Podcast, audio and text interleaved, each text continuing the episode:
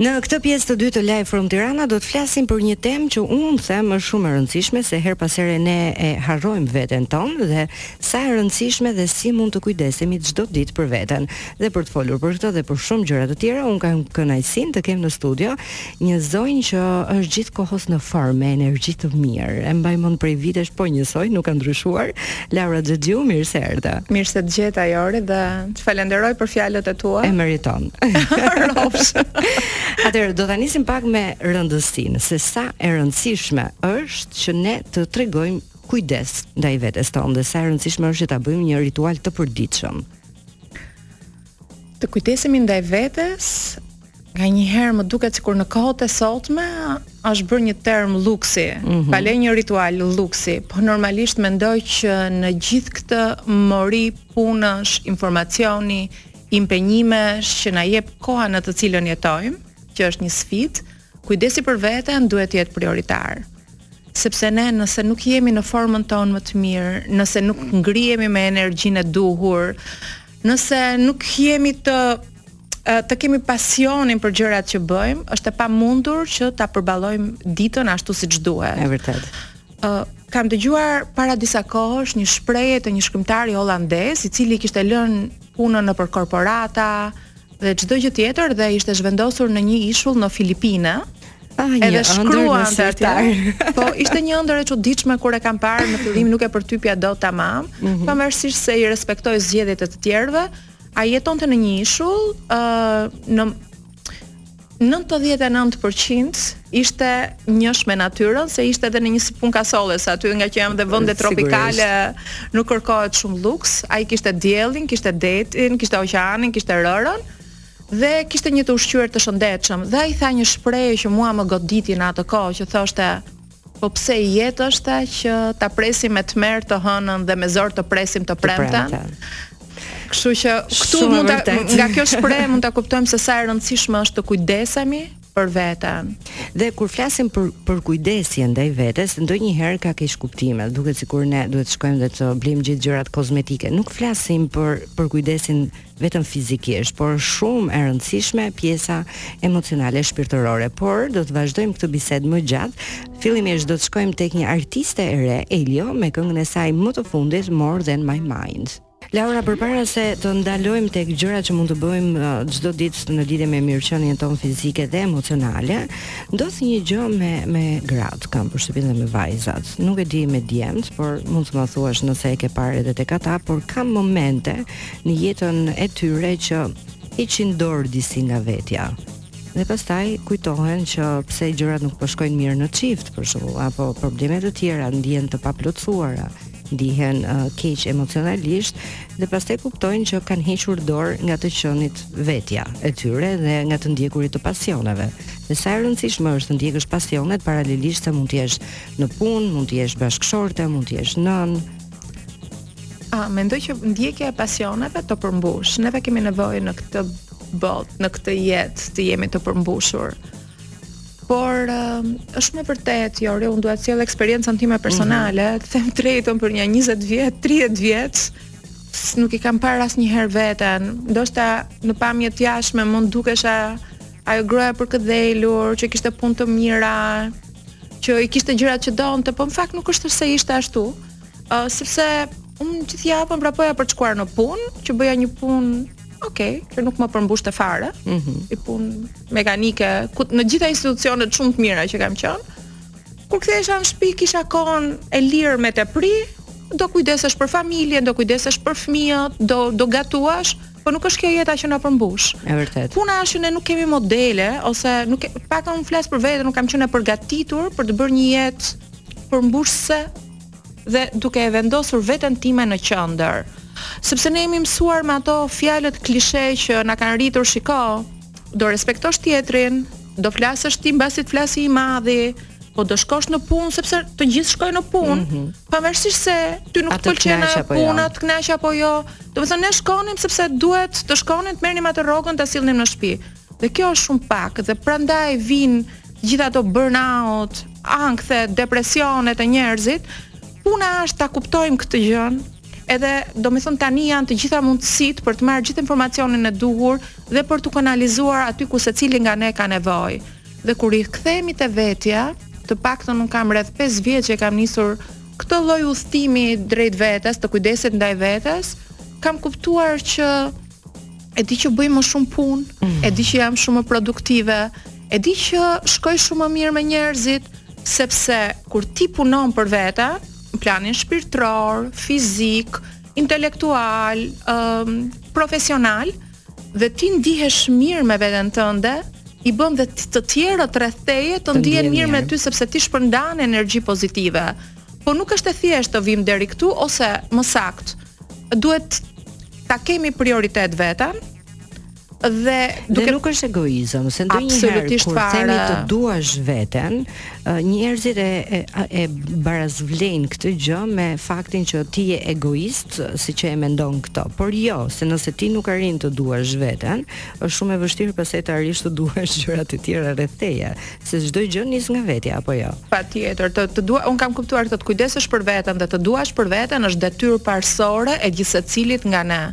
Kur ne duam veten, ne duam të gjithë njerëzit që na rrethojnë, i buzëqeshim më shumë, buzëqeshim më shumë, po na kthehet edhe buzëqeshja shumë më shumë dhe mendoj që vetja është e para, tek e fundit, sado që kemi nevojë për njerëzit e afërm, për fëmijët, për kolegët, për shoqet, për shokët, Po në momente të vështira është mendja jon, është trupi ynë, ai që na ndihmojnë për t'i kaluar. E vërtetë. Kështu që vetja do ushqim, po do disa lloj ushqimesh, që është ushqimi shpirtëror, është ushqimi fizik, po është edhe ushqimi po them intelektual, po në njohuri. Mhm. Mm intelektual, mund ta po, quajmë se jo. Dhe vijmë te pyetja sa e vështirë është nëse ne kemi një sistem të caktuar, nëse ne krijojmë disa zakone që janë të shëndetshme, nuk vjen fare e vështirë. Në vend që të harxhojmë kohën në rrjetet sociale me orë të tëra, në Instagram, në Facebook, TikTok, pse sikur 10 minuta apo çerek ore nga ajo kohë t'ia kushtojmë vetes? Si? duke lexuar. E nisim me si dhe çfarë bën Laura? Domethënë t'i japim edhe nja shembull konkret edhe në formë këshillash për të tjerët. Ajo çka un bëj dhe që ja kam përshtatur them të drejtën uh, mënyrës time të jetesës, ndërtimit të ditës time është krijimi i një rutine të shëndetshme në mëngjes, që është e shëndetshme për mua. Mëngjesi im fillon gjithmonë në 5 ose në 5 e gjysëm dhe deri në orën 9, që nuk janë pak, me thënë mhm. të drejtën 4 orë luks që ti t'i japësh vetes, Unë e nis me me meditim, e vijoj duke shkruar, nja tre faqe kam filluar tani të shkruaj çdo mëngjes, po më pëlqen ai momenti kur kur shkruaj kur jam midis gjumit edhe të mhm. zgjuarit po edhe. Po çfarë shkruan nëse mund të të pyes? Ëh, uh, un shkruaj mendimet që më vijnë në atë moment në mendje pa i pa i censuruar. Ëh. Mm jam në procesin sepse dua edhe të përmirësoj um, aftësitë e mia në të shkruar dhe më pëlqen të shkruaj të shkruaj bruto siç më vjen, më pëlqen ajo gjëja e vërtetë që un kam që shpesh herë ndoshta edhe vetes ja fshehim, mm -hmm. por më mhm. pëlqen të, të hedh mendimet në letër dhe e kam çdo ditë që duhet të shkruaj të mbush tre faqe. Është shumë e rëndësishme për mua që të them tre mirënjohje në ditën time sepse e ndjej që më bën shumë mirë, më më qetëson dhe më bën të më duket dita dhe jeta shumë më e bukur, lexoj 20 minuta lexoj. Lexon në mëngjes. Lexoj në mëngjes sepse mua nuk më del më koha të lexoj dhe un kam pas kam qenë në një krizë të madhe që nuk po arrij të lexoj. Nuk lexoja dot më shumë se dy libra në vit dhe një gjë që un e ndjeja shumë mungesë, thash këtë gjë do ta bëj dhe do ta bëj në mëngjes. Ë, çfarë bëj tjetër? Kur kam kohë, bëj një ecje nga liqeni në ajër të pastër e dua dhe atë më tërheq e, jam pak adikti te kjo pjesa të gjithë gjërat e shëndetshme po sigurisht, sigurisht. dhe kam një 6 muaj që se bëj po dhe këtë do filloj ta bëj tani mm -hmm. palestrën palestra tre herë në javë të paktën 45 minuta e ndjej nuk e dua shumë të them të drejtën është një nga gjërat që unë nuk e dua por e ndjej që më bën mirë dhe fakti që më bën mirë dhe më bën të ndjehem e shëndetshme, më jep liri në lëvizje, më bën që trupi im dhe muskujt të forcohen dhe të më mbajnë, them, ok, do shkoj, do shkoj, do ta bëj. Ky është pak a shumë mëngjesi im, para se të nisi dita e punës. A, më fal, se harrova dhe gjën më kryesore. Un bëj edhe 10 minuta face yoga që merrem me po. fytyrën çdo mëngjes. Është fizkultura e mëngjesit, e bëj edhe këtë gjë. Do merremi po. pas pak dhe do na tregosh edhe disa teknika të vogla se çfarë duhet të bëjmë sepse kur dikush sheh Laurën uh, mendon se Laura kalon një kohë të mirë në këto qendrat estetike, por jo. Absolutisht. Do ta tregojmë sekretin e saj vetëm pas pak minutash. Fillimisht do të shkojmë tek një këngë shumë e bukur që është një bashkëpunim midis MC Kresha and Lyric Son Shake It. Na kujtoi një grup shumë të mirë DJ Danko Ace of Base e di Danko se në kohën time si këndoi kjo kënga All That She Wants. Mirë, unë vazhdoj të jem me Laura Xhaxhiun dhe Laura je mësuesja e parë e certifikuar ndërkombëtarisht e Face Yogas në Shqipëri. Kalojmë pak tek Face Yoga dhe ky është dhe sekreti yt, me sa kuptoj unë, për sa i përket. Face Yoga është bërë dashuria ime dhe mm -hmm. pasioni im, duke e parë që sa e shëndetshme është për fytyrën, për mendjen, Ëm për pjesën time të brendshme, por të them drejtën Jori ka qenë një nga praktikat që sinqerisht më ka ndryshuar jetën sepse më ka bërë të dal nga i bubble im, nga ajo flluska ime mm -hmm. që mhm. jetoja thjesht projekte, shkruaj, bëj ndonjë trajnim dhe kaq ishte. dhe nuk arrija ta kuptoja dot kënaqësinë që do merrja apo rritjen time që do kisha kur ti punon me njerëz, kur ti shërben njerëzve, kur ti um, përçon me shumë pasion një kulturë të një vendi tjetër në vendin tënd mm -hmm. dhe ato mirënjohjet, ato fjalët e mira, ato ndryshimet pozitive që un shikoj te gratë dhe vajzat kryesisht, po dhe te meshkujt me të cilët punoj, më bëjnë që të kem energji pozitive, më bën të ndihem mirë, më bëjnë të ndihem e vlefshme. Dhe them që kam bërë një gjë shumë të mirë, ka qenë një iniciativë personale, po tmerrësisht e vlefshme për një grup caktuar njerëzish që e duan bukurinë natyrale, e duan jetën e shëndetshme, e duan stilin e shëndetshëm të jetës. Kështu që kjo është uh, sekreti im jo vetëm për fytyrën, mendoj, po kjo është për qenien time. Kështu që e dashuroj këtë gjë. Do dua të të bëj një kompliment. Ata që po na dëgjojnë nuk shohin ndërkohë, por do të shpjegoj diçka dhe më pëlqen kur ka njerëz si ty që duan dhe dashurojnë gjën që bëjnë, të shkëlqen i gjithë portreti edhe syt ndërkohë që flet për face yogën dhe e kuptohet që njeriu duhet të gjej pasione dhe dashuri në jetë. Dhe nuk është jeta vetëm të gjesh dashurinë e partnerit, të fëmijëve dhe të familjes, por duhet edhe dashuri të tjera që të plotësohesh edhe të ndihesh mirë. Tani mund të na tregosh e para një herë, jam shumë kurioztare, sa minuta në ditë duhet të bëjmë ushtrime face yoga, po them, për të pasur një fytyrë të tonifikuar, të tonifikuar pa rrudha që se tani kanë filluar i bien shkurt njerëzit edhe në moshë shumë të re që shkojnë drejt botoksit, fillerave, por dhe rrudhat mua gjithmonë unë them me shaka, Kur më pyesin që pse nuk bën ndërhyrje të të ndryshme, them Ana Manjani thoshte m'i merrni që të gjitha, edhe çmimet Oscar, po rrudhat m'i lini se kam investuar për to. Do të thotë që un kam jetuar. Fytyra jon, rrudhat tona janë historia jon.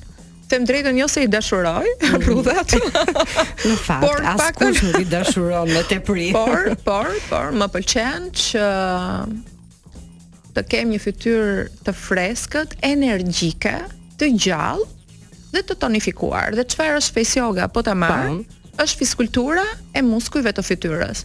Nëse sa shumë njerëz ka që shkojnë edhe bëjnë aktivitet fizik, shkojnë nëpër palestra, stërvisin trupin e tyre nga qafa dhe poshtë, ndërkohë që harrojnë që nga qafa e lart ka sërish muskuj, dhe ndoshta fytyra është vendi ku ne investojmë sa para pafund, ndërkohë që nëse do t'i bënim 10 minuta fiskulturë muskujve tanë të fytyrës dhe të qafës, kaq është e gjitha. Nuk vetëm 10 minuta. Vetëm 10 minuta në ditë. Pse? sepse muskujt e fytyrës janë shumë të vegjël nëse do t'i krahasojmë me muskujt e trupit. Është vërtet. Kështu që dhe koha që ne duhet të kalojmë për të për të punuar me ta është 10 minuta në ditë Po dhe nëse t'i bën 5 minuta, boll sa i prek pak muskujt, në kuptimin që nuk i lë të qetë, ato punojnë, ti i vë në punë, ato nxisin qarkullimin e gjakut, qarkullimin e limfës, çojnë uh, të gjitha nutrientët e duhur dhe oksigjenin në lëkurë që aty na duk, prandaj na duket lëkura e shëndetshme. Kaq është. Le ta bëjmë dhe 5 minuta ose qoftë edhe kur mendojmë, kur jemi duke punuar për shembull në kompjuter, orë të tëra, që shiko se nuk e paskam mirë uh, shpinën, po më dhemb qafa, dhe nëse ngrihemi dhe rregullojmë posturën dhe mundohemi të punojmë drejt, edhe kjo është face yoga sepse shiko bukuria apo mirëqenia nuk vjen më shumë nga veprimet që ne ndërmarrim sesa nga mendësia që ne kemi. Hmm. Kështu që unë mendoj që bukuria fillon nga mendja, mirëqenia fillon nga mendja dhe të ndierit mirë fillon nga mendja. Pastaj ka disa rrugë. uh, ok, trendet e bukurisë bëjnë punën e tyre, botoxi, fillersat dhe unë i kam përdorur para nja 8 vitesh, sepse nuk e dija dhe as më shkonte ndër mend që ekzistonte dhe një mënyrë tjetër që ishte të jetë natyrale. Dhe unë kam provuar botoxin, kam provuar dhe fillersat, nuk jam ndier ashtu siç duheshe, të them të drejtën, dhe eksperienca e fundit ishte traumatike për mua, po. Dhe në atë moment unë po, thashë se çfarë ndodhi. Po sepse unë vajta që mhm. doja të bëja pak konturin e buzës së sipërme. Mhm. Dhe më doli që buza ime e sipërme u bë trefishi i buzës së poshtme. dhe unë që shkoja nëpër takime, kisha mbledhje etj etj, më dukej vetja vetëm unë nuk isha. Mhm. Dhe u ndjeva shumë keq sepse më Unë e ndieja që m'u shpërfytyrua portreti, po nuk isha kaq tmerr, sepse ne kemi zakon ta gjykojmë po, veten. Po në atë moment mm -hmm. unë i thashë vetes që stop. Ti nuk do bësh më të tilla gjëra se përveçse parave që harxhoja çdo 3 muaj, që s'ishin pak them drejtën. E dyta, nuk e dija se çfarë i fusja uh, fytyrës time dhe vetes time, por nuk isha e kënaqur um, 100% me rezultatin që merrja, që mora. Kështu që unë thash kjo nuk është për mua, po edhe presioni i familjes të them të drejtën, edhe Rezarti dhe vajza që më thoshin, po ti nuk ke nevojë për këtë. Ishte çështje, po ishte edhe çështje vetëvlerësimi. Mhm. Dhe ndërkohë kur kam zbuluar Face Yogën që ishte një rastësi totale, se këtë doja të të pyesja si e zbulove Face Yogën, se kemi dëgjuar për yogën, ka dhe njerëz që nëpërmjet internetit se sot fatmirësisht ka njerëz që e përdorin siç duhet internetin dhe mund të informohen edhe të ushtrojnë jogën pa pa shkuar diku në një vend të caktuar, por ti si e zbulove face jogën? Se unë e kam zbuluar prej teje, të them të drejtën, për herë të parë nuk kisha dëgjuar një term të tillë. Unë Face Yoga-n e kam zbuluar në Indonezi, në Bali, në udhëtimet e mia, ku kam ah, pasionet, duket sikur tërheqin njëra tjetrën, ngaqë unë i dua udhëtimet, okay? Dhe në një nga ditët që e kishim lënë pushim për të nga eksplorimi dhe thjesht donim të çlodheshim, ndërkohë që ishim duke bërë një shëtitje buzë oqeanit, kthej sytë nga ana tjetër dhe shikoj një face yoga workshop. Mhm. Mm Dhe sa pash fjalën face, unë s'e kisha dëgjuar kurrë dhe unë, të them të drejtën, thash po shkoj një herë. Dhe kur vajta aty ishte një workshop 3 ditor. Për të mos e zgjatur ishte dikush që mungonte, i thash a mund të vi, aty njerëzit kishin prenotuar prej kohësh dhe më pranuan, ishte çështje fati, më duket më po, duket pra, sikur universi punoi, punoi për mua. Dhe ato 3 ditë Jori unë kuptova që jetoja në një botë që nuk kisha arritur dot as ta ëndërroja, sepse aty flitej për mirëqenie, për bukuri, për shëndet, me çdo gjë natyrale, domethënë se si ti të hidratohesh dhe ti të ndihesh mirë, se si ti të meditosh dhe të shlodhësh mendjen, se si ti të hash në mënyrë të shëndetshme, se si ti duhet të të të trajtosh fytyrën tënde vetëm me gjëra natyrale, kjo ishte totalisht kulturë kineze dhe japoneze, Dhe të them të drejtën që ditën e tretë kur do kur do mbaronte, mm -hmm. thash vetes të, të pickoj një herë të shikoj në je në ëndërr apo se më duket se si si përralla e Hirushës që do ikja që andej dhe çdo gjë do t'i kthehej normalitetit, do fillonte ai ankthi, rrudha këtu, buza këtu, qafa kështu. dhe thash unë do t'i jap një shans kësaj gjë.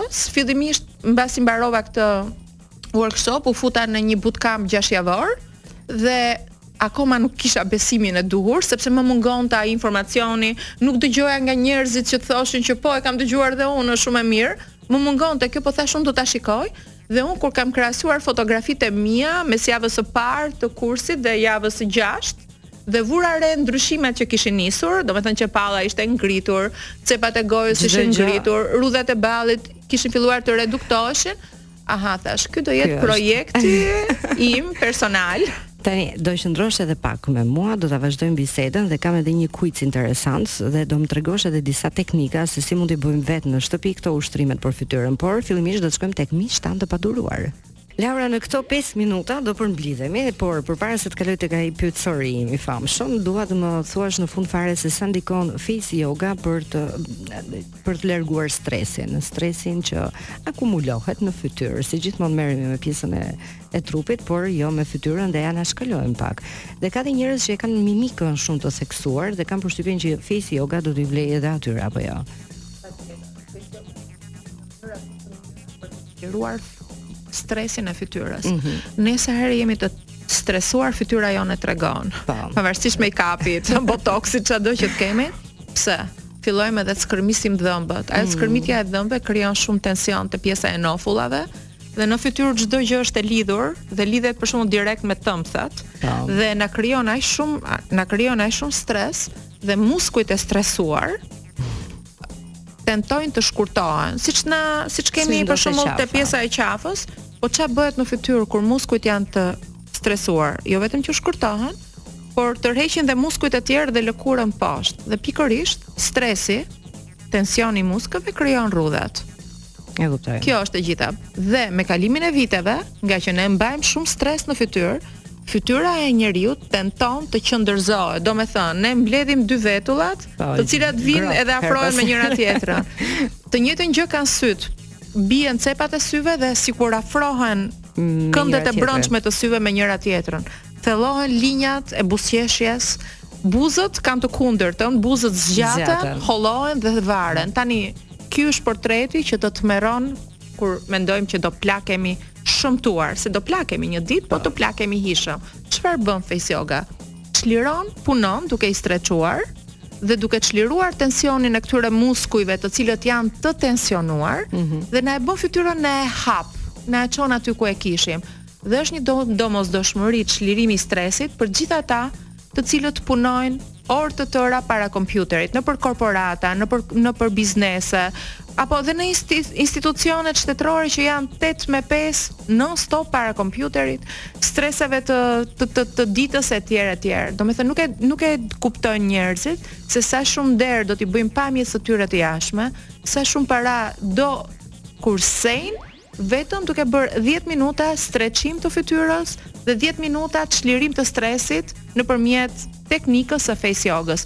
Është është një është një ilaç i mrekullueshëm. Mhm. Normalisht fytyra është shtëpia që mban emocione dhe kemi mbi gjashtë lloj emocionesh negative, të cilat janë të magazinuara në fytyrën tonë. Më kujtua tani një artiste shumë e madhe, nuk do t'ia them emrin, por gjithë kohës kur e takoja, bënte një të qeshur ho ho ho vendoste dorën para dhe i thosha pse qesh ashtu dhe jo me shpirt, se nuk dua të më krijohen rrudhat. në fakt un jam çik kundër kësaj, mua më pëlqen kur qesh, më pëlqen edhe çik ato rrudhat te cepat e buzëve dhe te cepat e syrit, se kemi nevojë të qeshim, mm -hmm. sepse ne kur qeshim ndrojmë totalisht biokimistrinë e brendshme dhe i japim trurit sinjale pozitive. që doli dielli. Që doli dielli, po, dhe që të të na të na të na nxjerr ato hormonet hormonet e lumturisë në pa. Tani, je gati? Patjetër. Do përpiqemi shkurt, domethënë duhet të po, jo, mendojmë jo, shkurt. Jo, jo po jo, mjafton edhe vetëm një fjali, her pas here mjafton vetëm një fjalë. Dhe tek e para kemi vetëm një fjalë. Si do ta përkufizoje dashurinë me një fjalë? Jetësore. Cila është aroma më e preferuar? Të fresktat, aromat e freskëta. Mhm. Mm një objekt apo diçka që Laura do ta ketë gjithmonë me vete, nuk i mungon në asnjë moment. Shishe e ujit. Okej. Kur Laura është e mërzitur, çfarë bën? Uh, përgjithsisht izolohem, nuk më pëlqen që të komunikoj me njerëzit për të ndarë atë gjë që kam. Uh, dua ta jetoj atë emocionin e momentit, ta përpunoj mm -hmm. dhe kur ndihem mirë. Dhe me qënë se e përmendëm pak më parë, plakja është një proces natyror. A ke frikë nga plakja? Tani nuk kam, mm -hmm. sepse di teknikën për t'u plakur hijshëm. Bukur. dhe e di që ka një fobi për njerëzit që kanë frikë nga nga plakja dhe quhet gerontofobia, më duket fjala. e kam pasur vetë këtë lloj fobie, më dukej tmerr dhe më dukej tmerr edhe kur tregoja moshën, ose më dukej sikur do t'i afrohesha plakjes, po sot jo, nuk e jo. kam këtë frikë. Duke qenë se je njeri që të pëlqen të udhëtosh dhe ke udhëtuar në shumë vende të ndryshme të botës, Gjëja më e çuditshme që ke ngrënë dhe nuk do ta provoje më asnjëherë. Gjëja më e çuditshme që kam ngrënë ka qenë një ditë që kam qenë shumë e uritur, kam qenë në Seul dhe kam ngrënë buburreca të skuqur. E prisja këtë përgjigje, vërtet? Dhe e kuptoja çfarë po haja, domethënë në fillim jo. Pastaj i pashë mirë dhe kuptova çfarë po haja, po ndërkohë më kishte shijuar ajo pjesa krokante e tyre. dhe thashë, ok, më pëlqeu vetja që e te, e, e tejkalova veten mm -hmm. në këtë mënyrë. Gjëja më e çuditshme mbaj mend ka qenë um, gatimi i mamasë së një shoku tim nga Madagaskari që ishte një pulë me ananas, uh. me gjithë dëshirën time për të buzëqeshur dhe për të thënë sa e mirë ishte.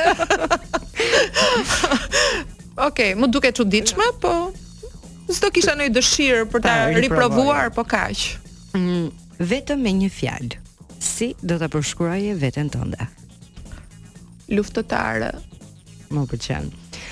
Çfarë ka zbuluar Laura brenda vetes në një moment të vështirë të jetës që sepse njeriu zbulon veten gjatë gjithë kohës dhe ndoshta në momente të vështira zbulon një anë që nuk e ka ditur tek vetja. Mm, forca, forca për t'ia dalë Këmbëngulja për t'ia dalë, mendoja se nuk ishe tip me shumë vullnet. Mhm. Mm por rezultoi që ke një vullnet të po, hekurt. E, e kam e dua t'i arrij gjërat them të drejtën edhe e kam kuptuar pa këmbëngulje dhe pa vullnet, nuk i arrin dot, kështu që mm, po të kishe mundësi të ndërroje fundin e një filmi. E para, kë film do të zgjidhje për t'i ndryshuar fundin dhe pse? Pyetje të vështira. Ah, duhet të mendoj uh, te filmat që më kanë pas pëlqyer. Mua në fakt më pëlqejnë uh, më pëlqejnë librat apo filmat të cilët të lënë uh, ta lënë zgjidhjen në dorë. Mhm. Mm Nuk të vjen për momentin. Po më vjen ndërmend, um, fakt gjëja po që po më vjen tani ndërmend është uh mhm. -huh. filmi Love Story, e kam parë kur kam qenë okay, nuk e di 18 vjeç, 19 vjeç. Nuk do doja të mbaronte në atë mënyrë, megjithëse tragjeditë janë të bukura dhe janë të fuqishme, ndoshta prandaj ai film të pëlqen aq shumë, po. Duke qenë se jemi në limit të kohës, po e reduktoj kuicin tim dhe po të shkoj tek pyetja e fundit. Nëse Laura do të kishte përballë Laurën 20 vjeçare, çfarë do t'i thoshte? Ëm, uh, jeto jetën tënde, vër veten të parën. Të tjerat nuk kanë rëndësi.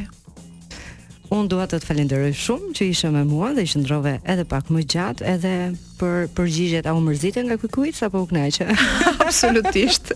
Unë të falenderoj Ori për um, bisedën që bëmë, për për të qenë për lirshmërinë që më krijove. Shumë faleminderit, ishte kënaqësi për mua. Se është kënaqësi të shprehësh dhe veten. Sigurisht. Edhe të uroj një ditë të mbarë sot, se e di që je e zënë me punë. Faleminderit. Ne do të shkojmë tek uh, miqtë tanë të paduruar.